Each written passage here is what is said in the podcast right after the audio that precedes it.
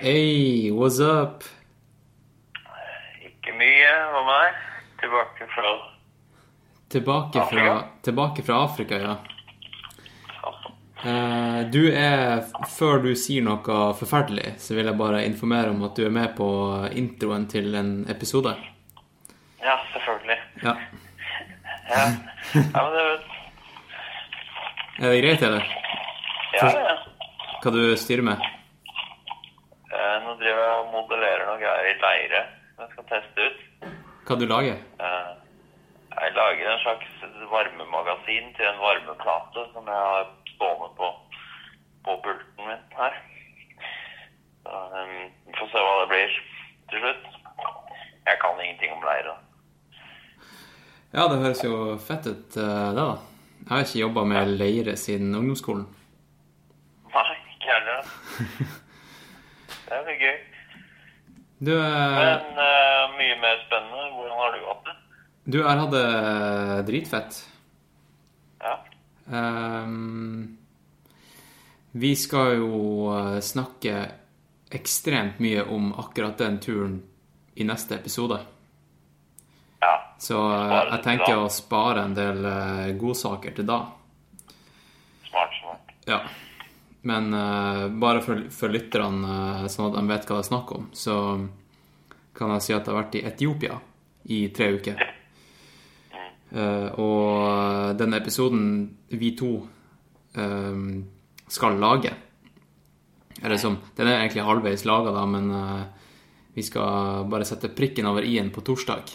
Når eh, Det er en slags eh, reportasjeinnhold, da. Ja, ja det, det blir jo det. Jeg er ikke helt sikker på formatet ennå, men, men saken er jo det at jeg har vært på, eh, på tre uker i, eh, i høyden i Etiopia og Ja. trent.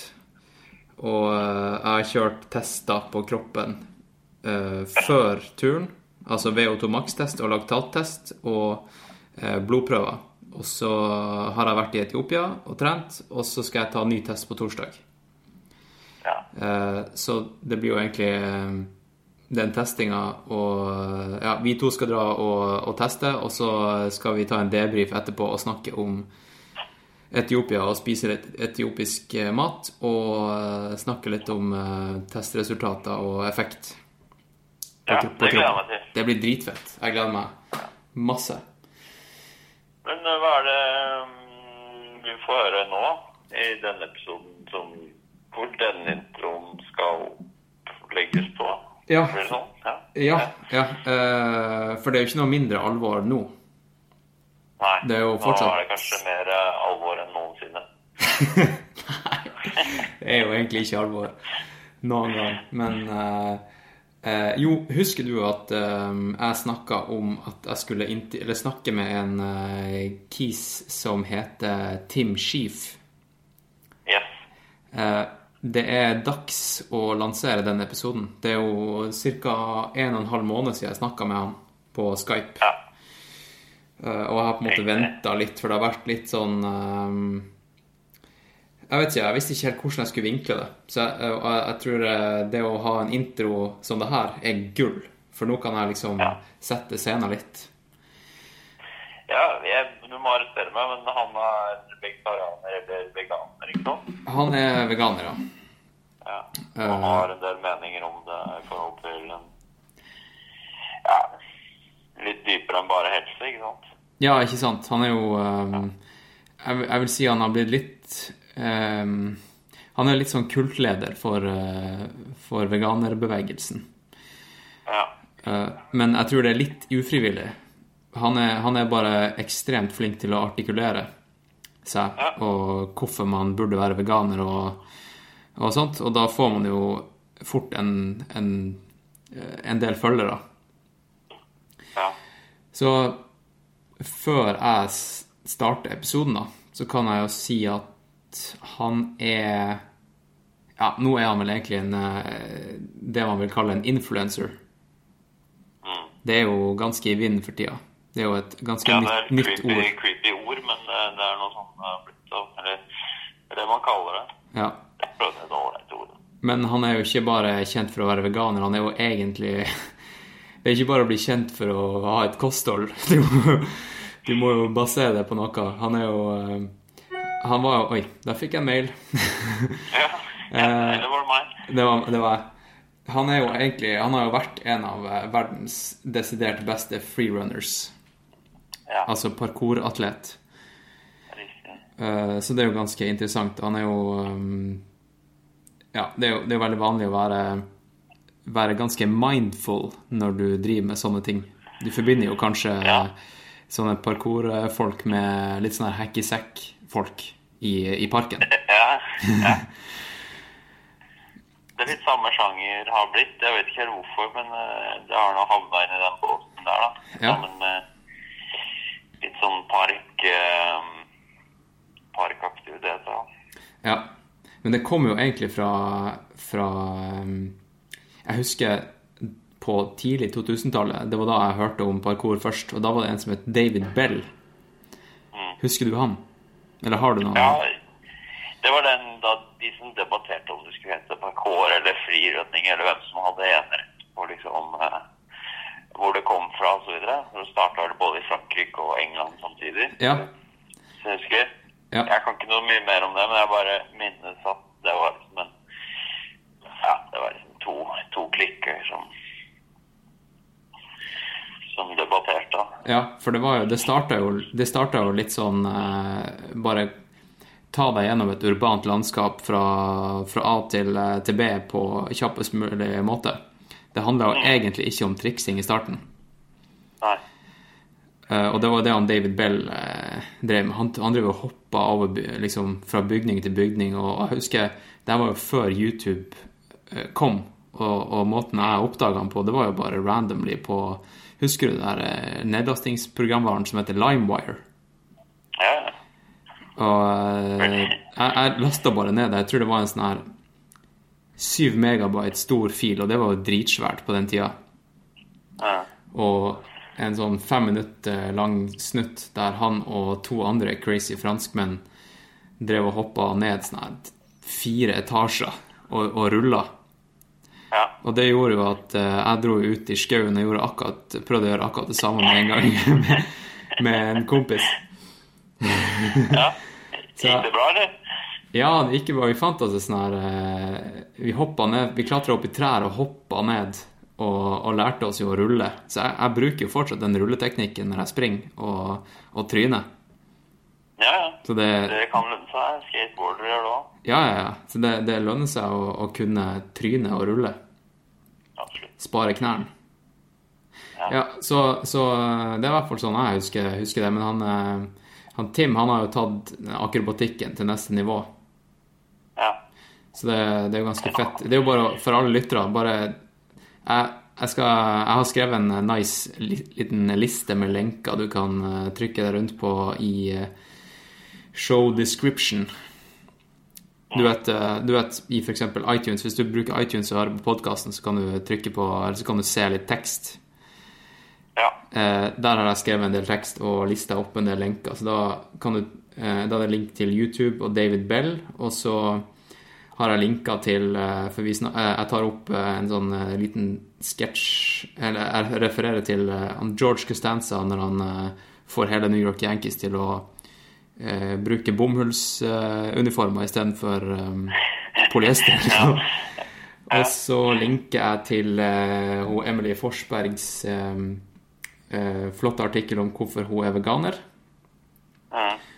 Og så nevner jeg Too Good To Go, den her overskuddsmatsappen. Den er også lin- Ja, den til. jeg brukt den der i det siste. Du, jeg, br jeg skulle, funker ganske bra, altså. den funker bra, men vet du hva, jeg, var, jeg skulle bruke den i går, og så dro jeg ned på eh, den her eh, Hva det heter det her eh, stedet på Østbanehallen?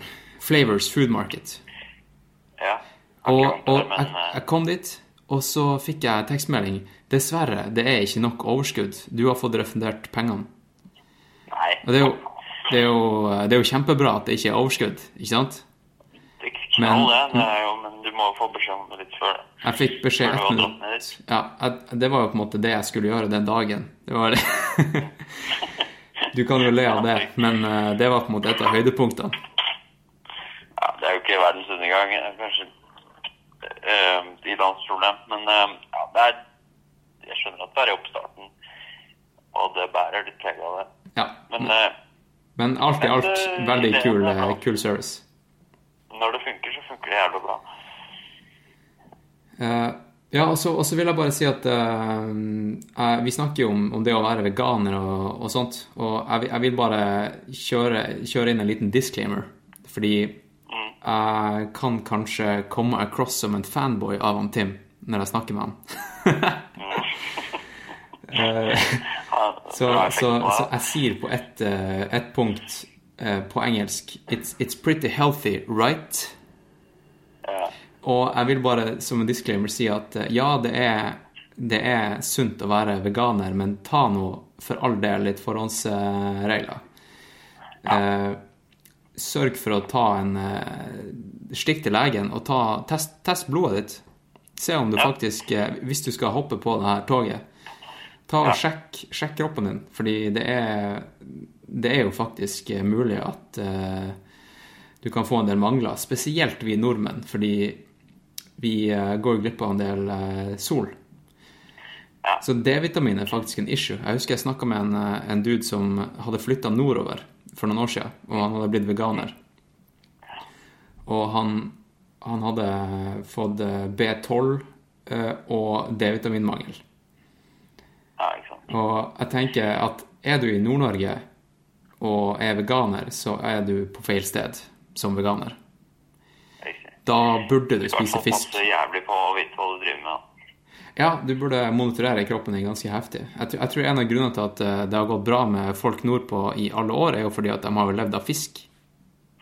Ja. Ikke sant? Så da har de jo indirekte bare De har jo sikkert ikke visst om det, men D-vitaminen og omega-3 de får inn via det eneste de hadde å spise, var jo det som gjorde at de, de klarte å overleve vinteren. ja. Sant. Så Jeg slenger meg på den disclaimeren der. Jeg har jo prøvd eh, mitt, eh, jeg òg.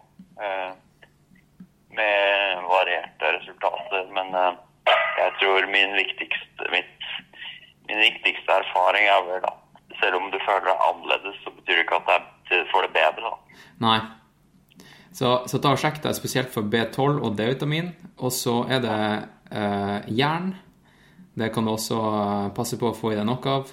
Et, et triks er jo bare å bruke jerngryte når du lager mat, faktisk. Det er det mange sier at eh, vegetarianere må gjøre. Og spesielt jenter, for de har jo en gang i måneden eh, en issue med, med jern. ja. Hva tenker du på da? Ja, jeg bare kødda. Ja. Um, nei, da, men um, Ja, man må passe på å ikke ta og, og slenge seg på alt uh, med bind for øynene, tenker jeg. Ja. Så ta og uh, spis havregryn, da får du sink. Og så får du tørka frukt eh, og cashewnøtter, sesamfrø og gresskarkjerne. Da får du jern. Og bruk jerngryte. Og så er det greit å vite at eh, eh, brokkoli og grønnkål og fiken og appelsiner og søtpotet er dritbra kilder til kalsium. Faktisk bedre enn melk. Så Ja. eh, Banan òg. Banan også, ja. Det, men de fleste som, som, eh, som blir sunnere enn de var tidligere pga. vegankostholdet, det er jo rett og slett fordi at de, eh, de spiser jo mye sunnere. Altså, de kaster jo Ja. de, de slutter jo å spise drit fordi de, eh, Ja. de oppdager at de, de må lage De må virkelig tenke over maten de lager, og, og begynne å lage mat fra scratch. Og da tror jeg Da har du oppnådd mye, altså. Absolutt. Det er en av mine store poenger også at eh, Vi kan kanskje snakke om det litt neste gang, men, uh, men uh, bare den bevisstheten rundt endring av kosthold er uh, vel så viktig som å være hardbarka det ene eller det andre. Det, det tror jeg altså. Ja. Ja, men du, en ting før jeg, før jeg slipper det her. Eh, han, da, jeg møtte han i Bergen i høst på Stoltsenkleiven-løpet. Ja. Det er sånn jeg ble kjent med han. Og, og da husker jeg at han eh, Det nevnte jeg også når jeg snakka med han. Og han, han, pustet, han, han skulle puste med nesa under hele løpet. Aha. Og det, det syns jeg var ganske, ganske rart, egentlig. egentlig. Så Ja, det syns jeg. Eh, men det var, det var fordi at ehm, det skal visstnok være ehm, ja, jeg, må, jeg, måtte, jeg, måtte, google litt om nesepusting og sånt. For jeg, jeg, husker at det var et eller annet i det her med, med, med nesepusting og, og, effekten på kroppen det har kontra å puste med munn. Og hvis du leser Scott Jurek sin bok 'Eat and Run', så husker jeg at han jeg husker at han nevnte det, men jeg bare husker ikke hvorfor. Eller hva grunnen var til at han pusta mye med nesa under trening. Men nå har jeg googla litt og jeg har funnet ut at Eh, det å puste med nesa det booster opptaket av nitrogenoksid, eh, som er en kraftig immunsystemboostende molekyl. Og det blir produsert i bihulene utelukkende når man puster gjennom nesa. Så hvis du under lav intensitet bruker nesa og, og puster, så får du faktisk en sånn fysiologisk effekt. Skjønner. Eh, Fett, da. Ja. Uh, I tillegg så Men det er jo tungt, da. Det er tungt, ja. Det er derfor under, under lav intensitet, og det er da du må gjøre det. Du kan ikke gjøre det når du springer Stoltsenkleven. Vanskelig opp Stoltsen, da. Ja. Uh, og så er det et annet punkt uh, også er at det er Jeg vet ikke om du har hørt om nervus vagus? Nei, det tror jeg ikke jeg har hørt om. Det er også kjent som innvollsnerven. Det er en nerve som går som er inne i kroppen. Og på engelsk heter den Vegas nerve. Og, og det den er Eller det nesepussinga gjør, er at den aktiverer den ganske kraftig. Og den uh, Det er den som er ansvarlig for, for hovedveien mellom det som kalles for gut-brain axis, som er det som connecter tarmsystemet med hjernen. Og det booster humøret og din kognitive funksjon. Så Pust med nesa, folkens. Ja. Gjør det. Gjør det. Skal vi si det sånn, og så setter vi i gang eh, Skal jeg bare si snurr film, holdt jeg på å si. Ja. Vil du ha noen tips denne gangen, eller? Faen, Pust med nesa, er ikke det bra? Ja, det får bli det siste. Ja. ja. Eh, kommer du på stirsdag i dag? Uh, jeg tror det. Jeg tror det. Fett, altså. Jeg har uh, eh, litt grann, eh, rusk i halsen som jeg ikke helt vet hva er. Så jeg skal, jeg skal kjenne litt på det. Bare bli ferdig på skolen først. Ja. Men vi ses kanskje. Hvis ikke, så ses vi etter det. De sier jo det at uh, hvis det er neck and up, så kan du uh, springe. Og hvis det er neck and down, så kan du ikke springe. Ja. Det er, det er gode sjanser da for at vi møtes etterpå. Ja. Så må du huske å vaske hendene, for den leira, den uh, Ja, den kan stivne. Ja, her er det noe mylegruppe inni, tror jeg.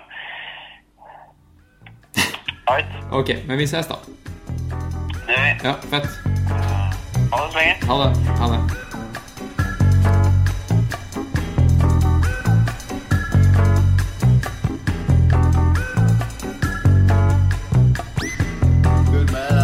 Out in uh, Chiang Mai, Thailand right now. Um, it is 10.30 at night. So a lot later than there. uh, yes, I've been here. What are you doing there? Yeah, I came out on like the second, no, like the 5th of January or something. Um, and I was releasing my online course, which I just created called Mindful Warrior. And I wanted to, I filmed it in uh, Las Vegas and I was in sunshine the whole time creating it. And I wanted to be in sunshine when I was releasing it as well. I didn't feel right being in the cold England to release something made in sunshine. So I came out here on my own to for the launch. Yeah, it's not a bad bad place to be. Yeah, it's really cool. so so who uh, what kind of people are you hanging with there? It's a, like a digital nomad capital, and it's also like a vegan capital. So there's kind of a blend of digital nomad vegans, which I sort of am becoming now. Um, for those that don't know, digital nomad is someone who makes money online and can just travel around nomadically. And so that's sort of something I'm striving for right now. Um, you know, with my passions of loving mountains so much, it's nice to if you can build a nomadic life where you can just travel to mountains. As long as there's good internet, you can, uh, which sometimes clashes. But when you can find good internet and mountains, then there's a good place for a nomad to be. Right, and that's one of the main reasons I wanted to talk to you because I find your life from the outside extremely interesting like yesterday I was gonna I was explaining to my running crew uh, that I was gonna talk to you, and they wanted to know who you are and what you do. Um, and I tried to explain because they uh, I think a couple knew who you were, but uh, what I what I told them was um, you're a former pro freerunner and parkour athlete. Yep. That's correct. Uh, I would say right now you're a you're a, a veganism activist. Yeah, professional vegan. You, uh, yeah. yeah. I was- Um, you're also you also have a pretty successful YouTube channel yeah. and uh, Instagram account, and you're very. I, I would say you're you're pretty much just an influencer. Yeah, um, that is it. I was a professional parkour athlete for 10 years from the age of 18.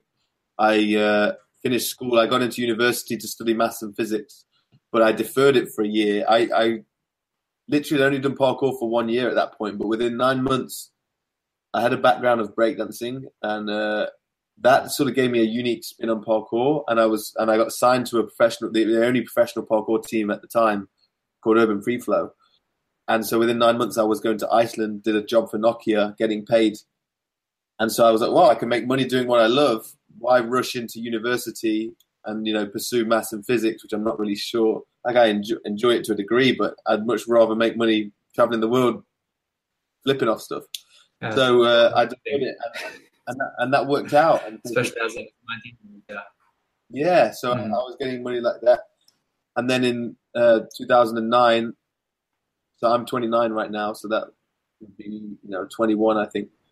Um, I won the World Freerunning Championships, and that sort of catapulted my career into uh, just a more a, more of a figure within the community, you know, and even beyond the community because it was screened live on BBC, so it was. Uh, you know, a lot more people knew who I was at that point.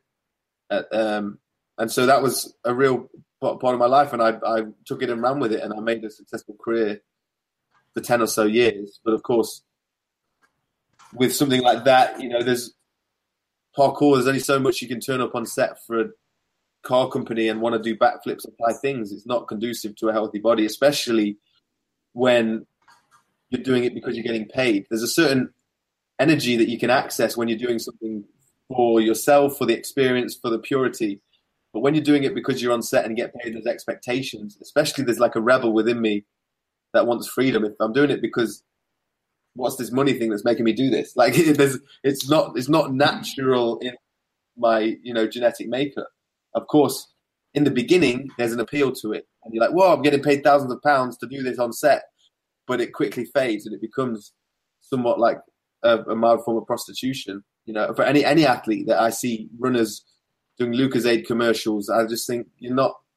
That's not how you're the athlete that you are because of Lucozade. And you know, I saw Olympic athletes doing Subway commercials, and I just think that you are straight up selling out because there's no relationship between that and your success, and yet you're trying to make some CD tie in.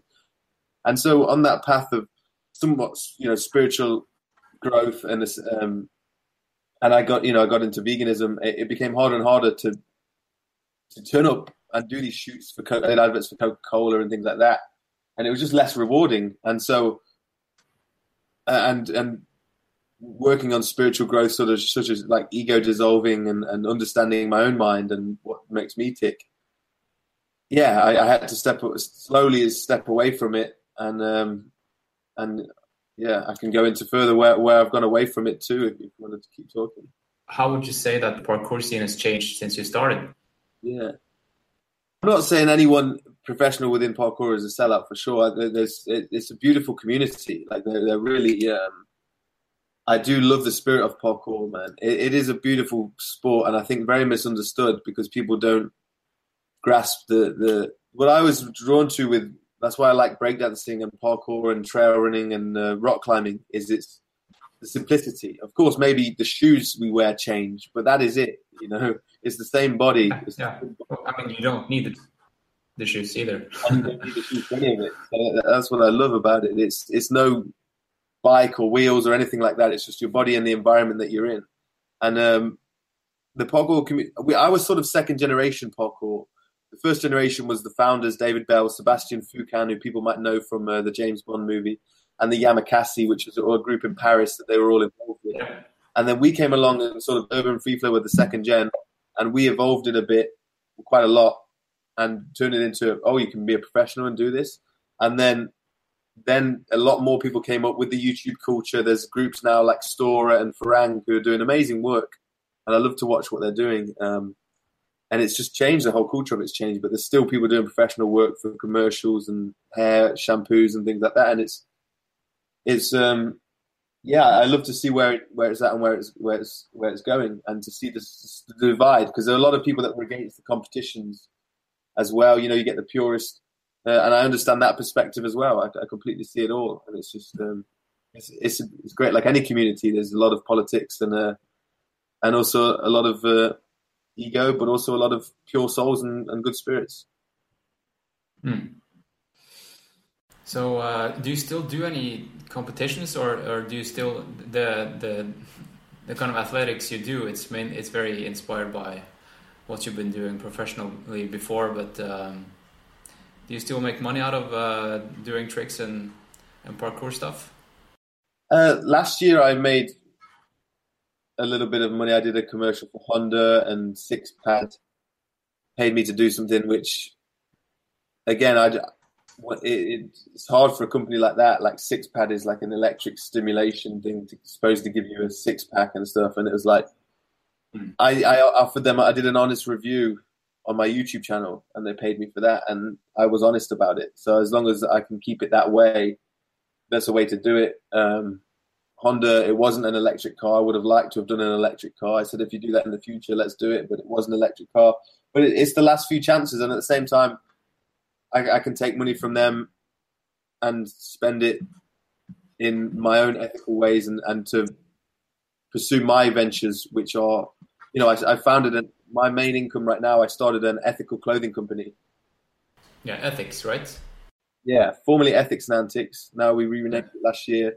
Um, my business partner at the time left, and the new guy Sean um, came in and really helped out. And we started, we renamed it to Ethics, and we took the I out um, of ethics, so it's ETHCS, and that is because there's a lot of lot of ego in ethics and in veganism, and there's no I in yeah. No, yeah, I know. But That's a, why. There's a Buddha quote. Uh, someone said to the Buddha, "I want happiness," and the Buddha said, "Well, first you must remove I because that's ego, then remove want because that's desire, and then all you're left with is happiness." And so from that, that sort of inspired me to like take the I out, um, and like there's no I in team. You know, it's not about the individual in the ethics. It's about the world coming together and not just trying to be like I'm better than you. I'm you know I'm I'm more ethical than you or anything like that. It's about understanding the psychology of human nature and not just trying to impose your views and, and be aggressive and say you need to stop eating animals and protesting outside McDonald's. It doesn't. That's not an intelligent way to help change in, in the long run. It's like that just gets it's just ego to ego, right? And we need to appeal to people's souls. So the way we do that is we make art and we we show uh, a good life and positive life rather than telling people what to do. And then if they're drawn to it and and they're uh, you know aligned with it, then maybe they'll they'll think about it too. But it's it really is focused on, like I say, ego dissolving. And so we started an ethical clothing company, which is all like the certifications like fair wear. It's all organic cottons, and it's all. And I've learned so much because I didn't start it to be a fashion uh, like clothes like creator. Um, but at the same time, I realized the importance of how I've fallen into that is because when you we know what food's on our plate, you know, we know the ingredients that's on our plate, but the clothes on our back, it's a bit harder to know oh, yeah. the process that's into it. We don't know if it's been made by little, uh, you know, underage fingers that are working ridiculous hours, you know, and not choosing to work. So it's like I, that's the next stage beyond looking at the diet and other, ways in which we, we can be more environmentally aware is another is looking at the clothes on our back. And so I wanted to create a company where someone doesn't have to think about uh, where it's sourced. They just can trust that everything that we sell is um, ethically created. Nice. So I mean, yeah. So we know where we know the origin of the clothes. It says made in China and made in Vietnam. So how are you branding? Um, who is actually making the clothes? Who is who is making the the clothes? Well, we do have um, several different sources. Uh, the, currently, we've just expanded. We've got a factory in uh, India that we used a, a company to help source a factory. This company only you can create your criteria for how you want your clothes, the sort of yeah, the factories and all that stuff. And they linked us up with this factory in India, and we've seen videos of of the factory and the other stuff they're creating and the workers. And we actually want to do sort of sort of a pilgrimage out to the factory because we, we're very active on YouTube. We've got a YouTube channel, Ethics ETHCS. If anyone wants to check it out, as well as my personal one and I think that would be a really cool pilgrimage to show people what goes, what is actually going on behind the scenes. So we'd like next uh, this year, hopefully, to go out to India to the factory and show that. I think that that would be awesome, so people can you know see beyond just trusting me and yeah.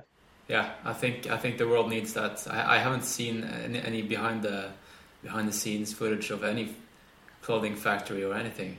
Yeah, and to see faces people can connect with, as well as right. what I've also discovered. There's a there's a a book called Killer Clothes, if anyone wants to look into it. But it talks about the fabrics that we use in a lot of the clothing now, and I've actually and you know the polyester, the rise of the polyesters, and even the inorganic cottons, all the sprays that go on the fields um, seep into the cottons and then are in our clothes, and then it, it seeps into our skin. Our skin is the giant, biggest organ on our body, and it absorbs things that we put on it. And um, all the chemicals on that they put on all these clothes even the cottons and then the like I said the polyesters and other jeans and things like that denim. Um, that's that's one thing I've really learned, and as I become more sensitive in my body and paid more attention, the more I wear organic cotton clothing and then go back to other clothing, I really notice the difference. And it, to to a point now where I'm running, and I'd rather run in cotton shorts than polyester and a cotton t-shirt, and I, I feel like in the 80s you used to see people in like grey sweaters working out, and they'd have big sweat patches and yeah, that's like sort of school Rocky uh, footage. Old school Rocky, and they were running. They were wearing cotton clothing and training in it. And actually, I really grown to fond of that feeling of being sweaty in a cotton top when I'm out for a run. Have you seen the George Costanza in Seinfeld? He he made the whole New York Yankees wear cotton because it was more comfortable, and then they all they lost the game because they were all sweaty and it didn't work. oh man, I love Larry David. I've not seen that much Seinfeld to know that episode, but that is actually quite funny, and I'm gonna look that up because I think that could be quite a yeah. cool. Uh, segue. But again, it's not about winning. It's not about the ego. You may win in polyester, but I'm not here to win. I'm here to like live a healthy life. So that's that's my first choice before winning. You know, and then anything's a bonus. Hmm. So what what made you uh, go into veganism that hard? I mean, uh, or how hard did you go in when you first went in? Did you go um, just cold turkey, no meat, or uh... How did you get into it? In about, I think 2012, I was with a friend in uh, Bucharest, and we were doing a commercial for Coca Cola at the time. And my friend was vegetarian, and I'd never really paid it much mind. And he was like, some reason, he taught me into trying it for a week. So I thought I'd try it for a week, and I went back, and um, and I was I was doing it, and I remember not like a few weeks before that, it was like September or something, and it, it had rained, and I'd got out, I got home from uh, the gym, I think, and I got out my car, and I was walking to the house, and I felt a crunch under my foot. It was like dark, and it had rained, and I was like, oh, I hope that wasn't a snail, and I looked down, and it was a snail, and it was sort of half crushed, but I didn't know if it was dead. Should I like put it out of its misery or just leave it? And then I, I went inside, and I made a chicken sandwich with chicken, ham, slice of chicken and some cheese. And I, and I thought I was still feeling bad for the snail, but I was eating chicken, hmm. and and that was a hmm. real like click in my head of like, do I really have a right to feel guilty for the snail I'm choosing to eat chicken? And I and I couldn't kill a chicken. I couldn't kill a chicken. I couldn't kill a snail put on purpose you know, just because I'm going to eat it. But the people that exist, and this friend that I'd met was vegetarian. I thought, started to think, oh, maybe that is something. If if that's how my soul feels and my spirit feels, it feels, you know, inclined to that, and people do live this way. Maybe I could try it. And so after that, I tried vegetarianism for a week, and then I think I discovered what's the point in this day and age in being vegetarian if you really care about animals. You can't be vegetarian. You know, you look at the egg industry and the fact they kill they only need female chickens to lay he- eggs for the egg industry. They don't need the male chicks. So they kill all the male chicks and just raise the female ones. They're not just politely raising them in another barn. So even the egg industry is killing thousands, of, millions of male chicks every day.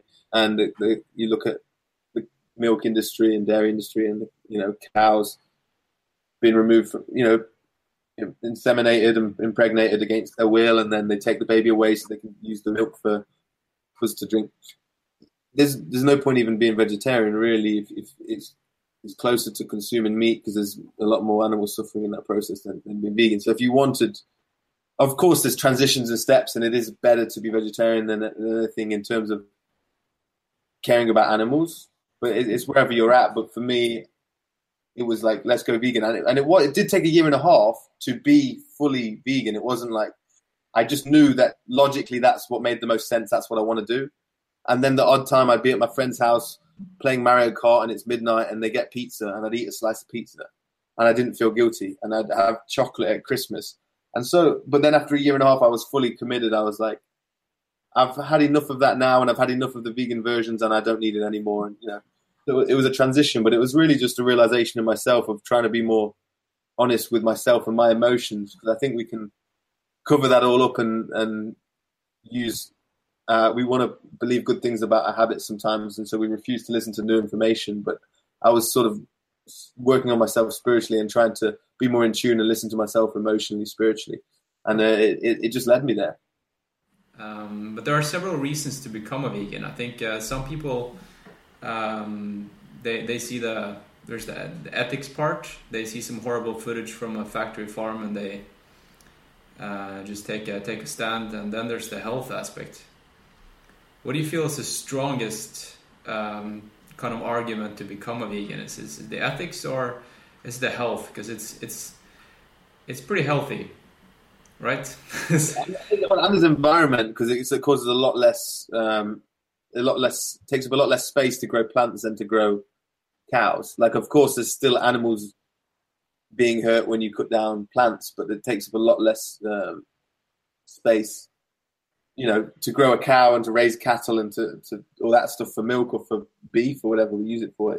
Environmentally, that seems to be the argument people seem to get most. And there's that documentary Cowspiracy, which lays out all the facts so people can see logically, rationally, factually how a vegan diet is something like 16 times uh, takes consumes less than a, a meat diet. Mm. But of course, the health the health aspect is is a good one in terms of bodily health. It does help. It is healthier for the body.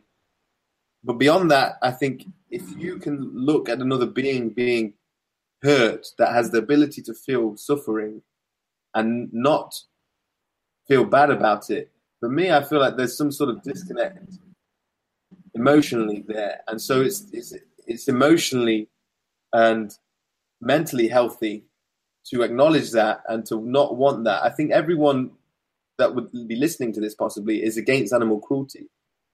And it's just what spectrum do we acknowledge the, the cruelty to count at? Does it count if I'm not going to eat a cow? Well, no. Why are you going to kill a cow if you're not going to eat it? it? Okay, so if you kill a cow, is it okay? It's only okay to kill a cow if you're going to eat it. Why, if you don't eat it, why are you going to eat it? Because you don't need to for health. You're only going to eat it for flavor. So is it okay for an animal to suffer you to taste the flavor? Like where's where does it stop? So I think we're all against animal cruelty, and some mentally, if we're against it, the logical thing is just to not support it. Um, the you know, and that's that's that's where I, I got to with my um, understanding of it and, and the way I, I, I see it. Mm. I think it's a, I think it's a, it's, I think it's a mindset because I've been thinking a lot about this uh, lately, and I've been uh, experimenting with uh, with being vegan. You know, I'm, I'm, an athlete, so I can I feel every small change in my diet, mm. um, and I, I, can feel it on my body. Um, See, Emelie Forsberg did an article. It, Sorry, go on. What? Emelie Forsberg did a really good article on on veganism on a Instagram on a blog. But sorry, go on. I was just going to say that. Oh yeah, uh, I was just thinking it, it's uh, it's more about a a mindset, I think, than a um, just being a vegan. I think you take a stand against so many other things. Um, so, for example, the other day I saw a vegan cheese in the store. It's like the one of the biggest vendors in Norway was releasing a, our biggest uh, dairy vendors was releasing a, a, vegan cheese. It was wrapped in a lot of plastic, mm. and to me that was kind of uh, it wasn't very vegan, if you know what I mean. Yeah. If if you're vegan, you're supposed to also follow up on the other things that you know the the environment and plastic is pretty con- controversial these days. So, what do you think about that? Do you think uh, once you go vegan, you should go all in and, and follow all of those? Um, you know what I mean? Yeah, I know what you mean, and it's an absolutely a great a great question. And I, the only danger with that is people then fearing going vegan because they feel, feel like they have to do it all. And the, the thing I discovered with yeah. veganism, veganism is the single easiest change you can make in your life that makes the biggest difference.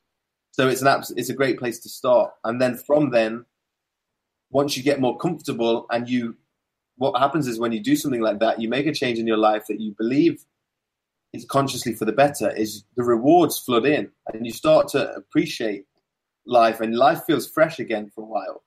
And when you do that, you're making a choice out of willpower for, for, for the greater good of what you believe, and and obviously the health comes in, and all these other things. You you get fresh fresh leaves on life. But if you try and do too much at once, it could come crashing down. So it's not to feel mm. guilty for the other stuff and trust the process. And then when you're ready, and veganism is integrated as second nature, and you're ready for a, a new step, a new change, and you do care, and you've got this this extra energy to be like, okay, cool, what's the next step? How can I help the environment even more? I'm going to make this change. I'm going to get, I, you know, I use a distiller and I distill my water when I'm in England. I'm drinking bottled here and I've noticed the difference compared to my distilled water. I have a glass bottle I take everywhere with me. I fill jugs up, and so I'm not using plastic bottles like a lot of people are nowadays. Um, and I'm getting clean water, and I, I, keep my plastic bags and I take them back to the supermarket, or I use tote bags. Um, yeah, certainly it's an important step to look at, but to, to throw it all under one banner makes it makes it a bit too scary for people to even make one step. And it's better that we transition people rather than say it's all or nothing, guys. It's vegan or nothing. No, it's you know, right. Only meat on the weekends or something to begin with, and then as as you start to realize the foods you enjoy, then you can make the transition with the rest. So, out of all the countries you visited, what's been the most vegan friendly? Um, you think is is Thailand the best one yet? Thailand is great, man. But I did come to Chiang, Chiang Mai is like a vegan mecca. Like it's so many amazing places here.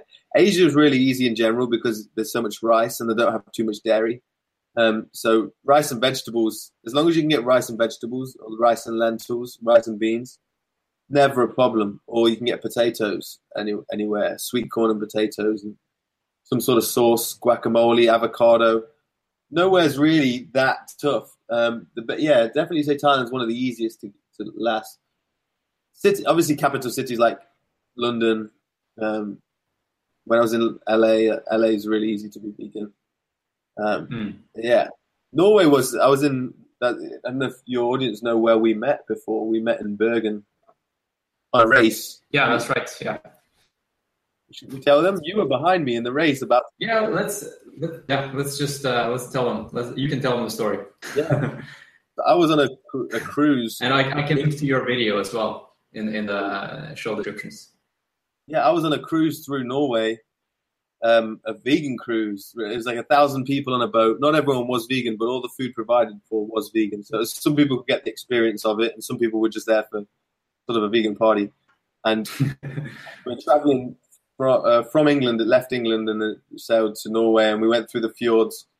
And on the Saturday, there was a race in, in well, the Saturday we were in Bergen, and I messaged my friend John Alban and said, I'm in Bergen. Where are those stairs? I remember him seeing he did this stair race years ago, Stolsenop or something. And I messaged him saying, Oh, where are the stairs? And he goes, Oh, I, for- I forgot the race was on Saturday. And I was like, Oh, the race is this weekend? maybe I'll go and watch. And he was like, I'll get you a place if you want. And so the the one day we were docked in Bergen happened to be the same day the race was on up the up this you know 300 meters of climb in like a kilometer or something ridiculous. And so I, I was like, cool. And I turned. I hadn't been running that much. I'd been through a lot of. had a rough year for injuries and things. And uh, it was an uphill race. It can't do too much damage. You know, you just I, I could manage that. and then I was on the start line about to go, and this guy behind me was like, "Oh, I, I know you." Uh, I was like, "Oh, cool, man! That's like that's so crazy that randomly on this race and this guy sort of knows me." And then he ran up, and after about thirty seconds, he came flying past me and was gone. and on the finish line, Well, that was also because you were you were only uh, breathing through your nose, right? I was uh, yeah, that was my my challenge to not overdo work myself was to just only breathe through my nose. Yeah. Um, I don't think I've actually managed that for the whole race in the end. I think I just let it go. But that was the plan. But anyway, you, you fly flew by me, and then we, at the top we, we had a chat, and we just got on on well, and we, we ran down the mountain together and hung out for the rest of the afternoon, and that's how we how we met, man. But did did you? So you had known me before that through YouTube or something? What was the? Uh, what if I knew about you or, or the race? Yeah, yeah, Can you repeat? yeah. Did you know? You seemed like you knew me from before that day. Like you you said. Oh yeah, I- I've been I've been uh, following you uh, for for a couple of years. Um, I think the first time I, I saw you was through some uh, parkour event, and then um, Hmm. I think you were on a London Real uh, podcast. Yeah, I was on London Real a few times. Yeah. Cool, and then co-hosting a couple of times, and also guests, right? Yeah, yeah, some good episodes. Bruce Parry, Kelly Starrett. Yeah, and then and I was on it twice. Yeah, and that was that was so cool. We just got on really well, and we went for a coffee. You took me to a really good coffee place. Um, Dromedar, right? The was Yeah. good coffee. Yeah. So I, I remember that day you were filming a lot. You were doing a, a vlog, yes. and uh, I remember you were you were trying to capture the moment all the time, and and you said you said it was hard to to do those vlog days to mentally kind of be present. hmm You need you needed to be charged to do one of those vlog days. Yeah. Can you uh, elaborate on that? Because uh, I found it pretty interesting. Because uh, when, Yeah. when you when you uh, start filming and vlogging yourself, you're not completely present where you are. You you wanna you're kind of looking through this this camera and thinking, what are other people gonna think of this when they see it? Um, and so you're you're kind of you're not there yourself. It's How do you deal with that? yeah. I don't know if you should. It just is so unnatural. It's not in our in our genetic DNA to be Oh, genuinely happy and filming our face for some future projection on a screen. It's like, and some people do it so naturally and they look so happy. But when, I really think that, like, subconsciously behind the psychology of it is, it's a really weird thing to do. Is to act happy to a camera that's not real. And is it possible to be genuinely happy? And if if so, it, it, yeah, is it really genuine happiness? Is it not sort of ego driven? Because I, yeah, I don't know. I just find the whole the whole idea of it really interesting. So I I did do daily It's kind of vlogging for a while, but I would sat for two hours. I'd I'd be running in the day and then sit for two hours at night editing, and it just wasn't healthy for my body to be like sat at a desk for, for hours at night after doing that kind of thing.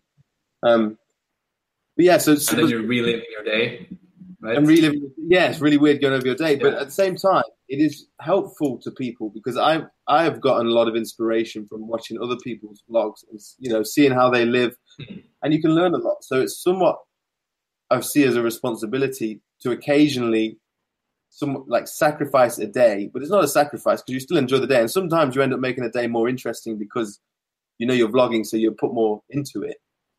So it's like a weird Hmm. Love hate relationship with vlogging, and it was just one of those days. It was an interesting day with the race and everything, and then it turned out, you know, meeting people like you, it all adds to a really cool story in the end. Um, and it's good, but I Yeah. just I just find that it's hard to be to show genuine happiness. I don't think it's is it not possible or not to be genuinely happy to a camera when it's not another it's not an actual genuine interaction with a human. And I feel like there's something within like actual eye contact in the physical that sparks something in a, in in a human that that can't be done through a camera lens.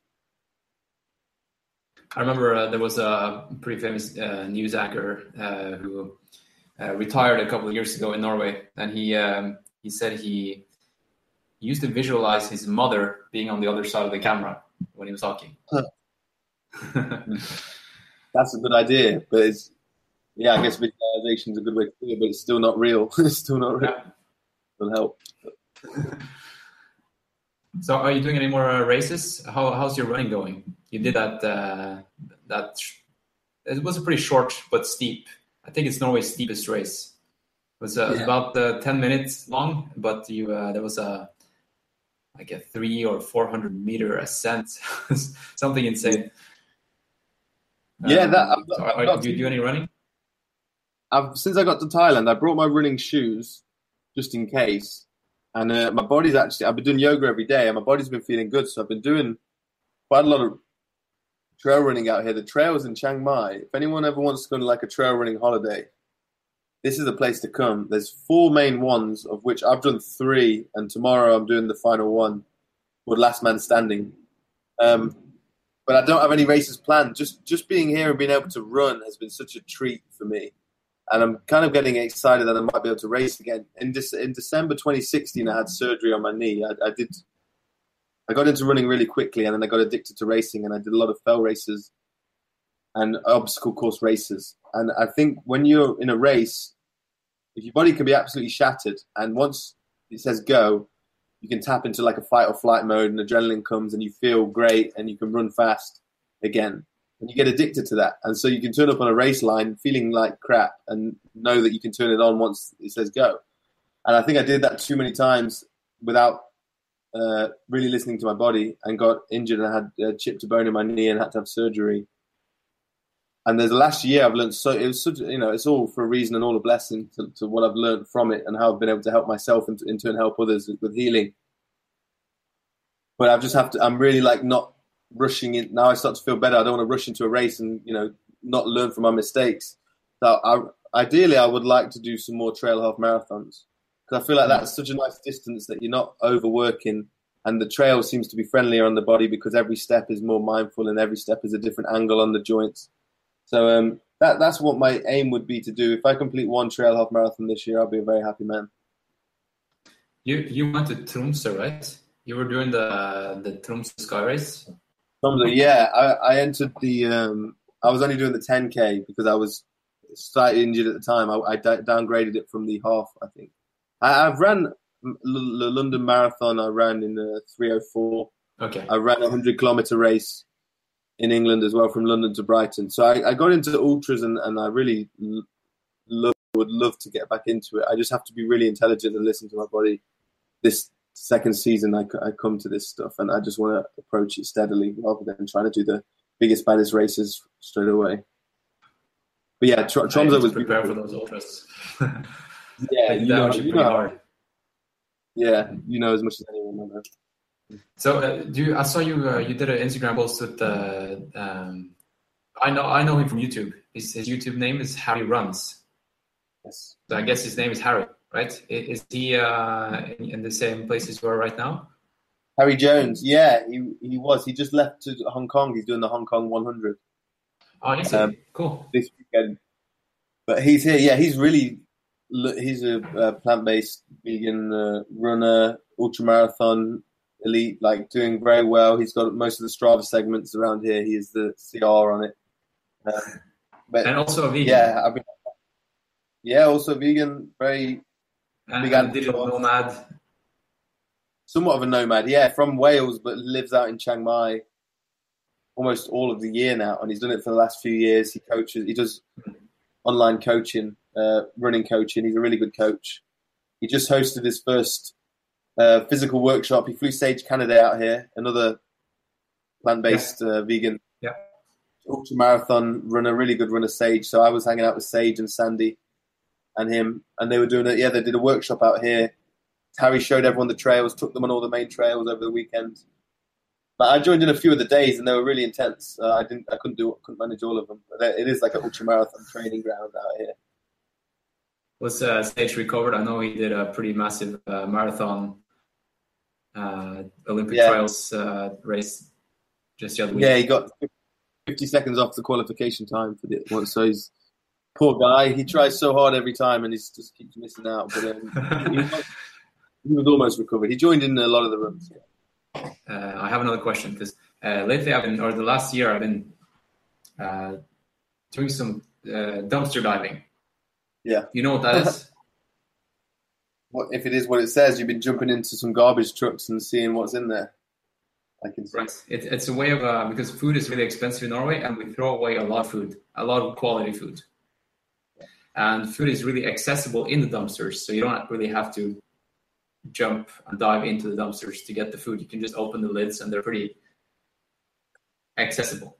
What do you think of uh, of meat that's been thrown away and eating that? What what's ethically, the, it's ethically it's it's actually more or morally it's you should eat it I wouldn't say should, but I'd say it's not unethical at that point. Um, but your but your body's genetic physiology won't react as uh, positively to it. there's Um, the health aspect but uh, ethically yeah i see what you mean But ethically, I don't. Yeah, and you can be in. They, people used to call it freegan. Freegan. Yeah. So it's like yeah you eat meat if it's if it's already been thrown away. So yeah, if you're, you know, I, I'm I, I'm not ethically opposed to it. Do what you want, but um, just don't kill animals yourself and don't pay people to kill animals. And I think that's where the ethics are uh, mainly at. But yeah, if you're eating meatballs from Subway out of a bin, which actually I've done that before, when I before I was vegan, meat Subway threw away the meatballs in a bit in a bag, and I opened me and my friend opened the bag and we're loving these meatballs. yeah yeah. I mean yeah there i don't see i don't see any, uh, any wrong with it but uh, i think there's there's a, a nice movement in, in norway right now because uh, there's a there's also an app uh, that's been made called uh, too good to go where restaurants can, can post um, every day that we okay let's say I'm a, I'm a restaurant owner and i see that we're going to have a lot of leftovers today. I can post that on this app and people can can find my restaurant on the map and you can buy like a token and you can come after closing and you can pick up a, a goodie bag I love it. it's, That's great. it's really cool i use it all the time so it's it's it's that and uh, dumpster diving it's it's financing my running career right now That's great. Man. I love it. Yeah, that's that's no expenses full power. I'm using technology for uh, for the best. Using technology for the best. Yeah, yeah, I really like it. Yeah. So, um, uh, what's your what's your plan now? Are you are you staying in in Thailand for long, or um, Yeah.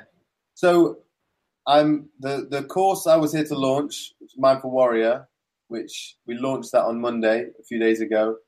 Um, that if anyone wants to is curious about that, go to mindful-warrior.com.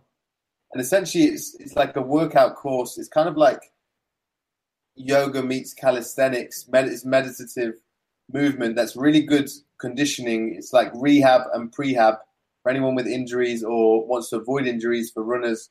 There's some really good stair workouts, leg exercises to, to build healthy knees. From my in- injury, I learned so much, and I put it all. I've already learned a lot from parkour, from yoga, from rock climbing, um, calisthenics, all this stuff I've done, and I really feel like I've found a unique edge. And if you go to mindful-warrior.com and you check that out, there's a free bar workout, and that's sort of the training. I, I competed in Ninja Warrior last year, which doesn't air till April, so I, I do a lot of different stuff. But my all my hands, my upper body training for that, you can access that workout for free. And if you like it, you can check out the full course, um, which we just released. And that's that's really my focus. Is I wanted to create something where my audience can support me, and in turn they get something that supports themselves, like creating a service for others that that can, I really think can help people if they're like I say, if they want to get into movement, if they want to get into parkour or breakdancing or rock climbing and they don't know where to start, something like that course gives your body a foundation for where to begin. Um, and I, I, I think it's it's really special. I want to travel around with that and help and keep on developing that. But um, that's been my focus for now. I'm heading back to London on Friday. Um, there's a full moon on Sunday, so I'm going to a full moon party. Um, not not a like Sounds Thailand cool. Not like a Thailand style moon party, but like a more uh, ceremonial, uh, uh, good vibes, um, healthy body party kind of thing. I don't know. But that's that's where I'm at. I'm I'm I'm getting more into the living with the earth cycles, um, and, lo- and looking more at the yeah living in, in touch with nature more. nice, just spreading positive vibes. good eating, healthy, uh, healthy training.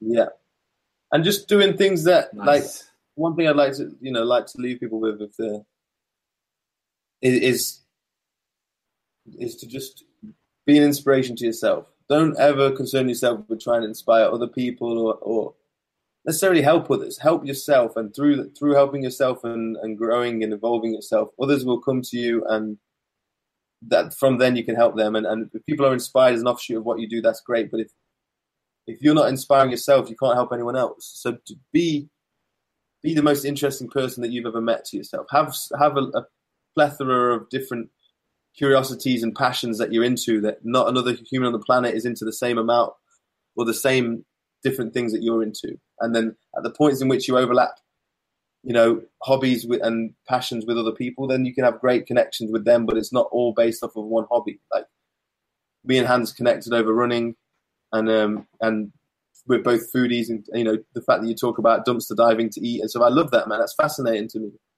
And then there are other things you might be into instruments, and I'm into other stuff, and it's like we have the more you can have a you know different passions that you're into and overlap with different people, you can connect with loads of beautiful people. But at the same time, you're the most interesting person you know, and you can't believe that no one else isn't into all the same things that you're into because they fascinate you. And I just think that's that's how we should all live, and we should all have so many different things going on in our lives that, that we're just excited for to to be here on Earth at this time. You know, wicked man. Thanks for having me on. So uh, yeah, Thanks for having you're probably um, probably gonna go to bed now, I guess. Um, Quarter past eleven. I'm up at seven o'clock, seven fifteen. We're meeting at seven forty-five at the trailhead. It's my last full day. I'm running the final route I've not ran. It's seven kilometers and one thousand meters of climbing, and then there's yoga at ten forty-five. So I've got to be back in time for yoga. So yeah, Wow. I'm gonna get to bed, get some rest. intense. It's special out here, my brother. There's a lot of uh, good fruit, good sun, good activities. Yeah, I'm, I, I'm gonna check out Thailand. I've never been. I'm gonna go to uh, Ethiopia in uh, next week, actually, for Wow, a three yeah. weeks uh, running camp. Man, So I'm looking forward to that. I look forward to hearing about it. I look forward to hearing about it. That's Hmm. awesome. I'll, Yeah. I'll keep you posted. Cool. Yeah, and if anyone wants to check me out on Instagram at human timothy, uh, ethics.com, ethics without the I, mindful-warrior.com. Thanks for everyone for listening and checking out Hans's podcast and uh, and you know give ble- blessing me with your ears for for an hour.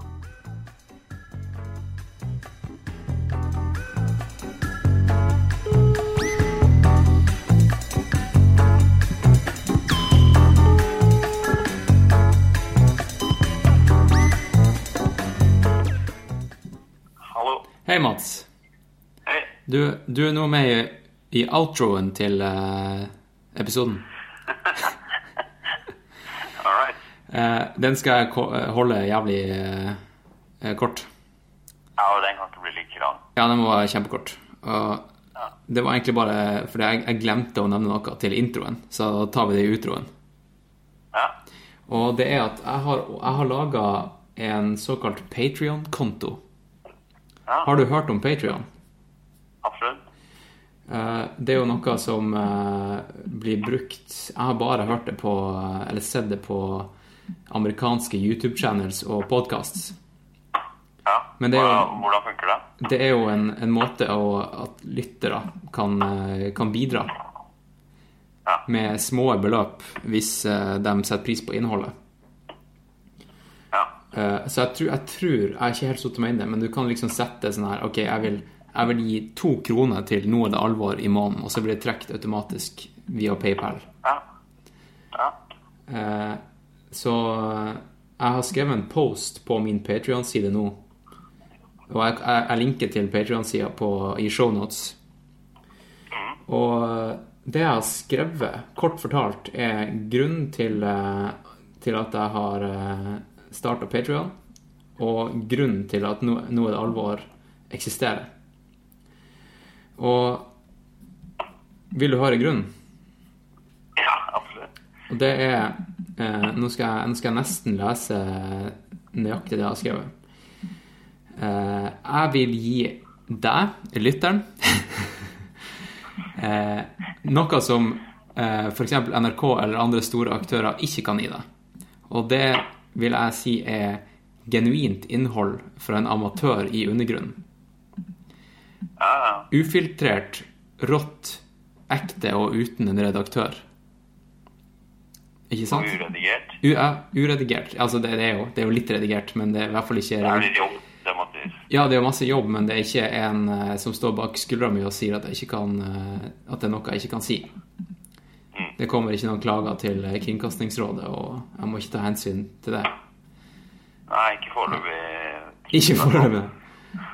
Eh, og så er det det at eh, podkasten gir meg en unnskyldning til å oppsøke interessante folk som jeg ellers ikke ville kontakta eller blitt kjent med. Hadde det ikke vært for podkasten. Ja, det tror jeg er et viktig poeng. Så det, det er jo mer min, min personlige grunn. Og så er det jo eh, Den her siste punktet er jo det at eh, forhåpentligvis så vil innholdet i Noe det alvor være så bra og givende at du som lytter er, er gira på å støtte og finansielt.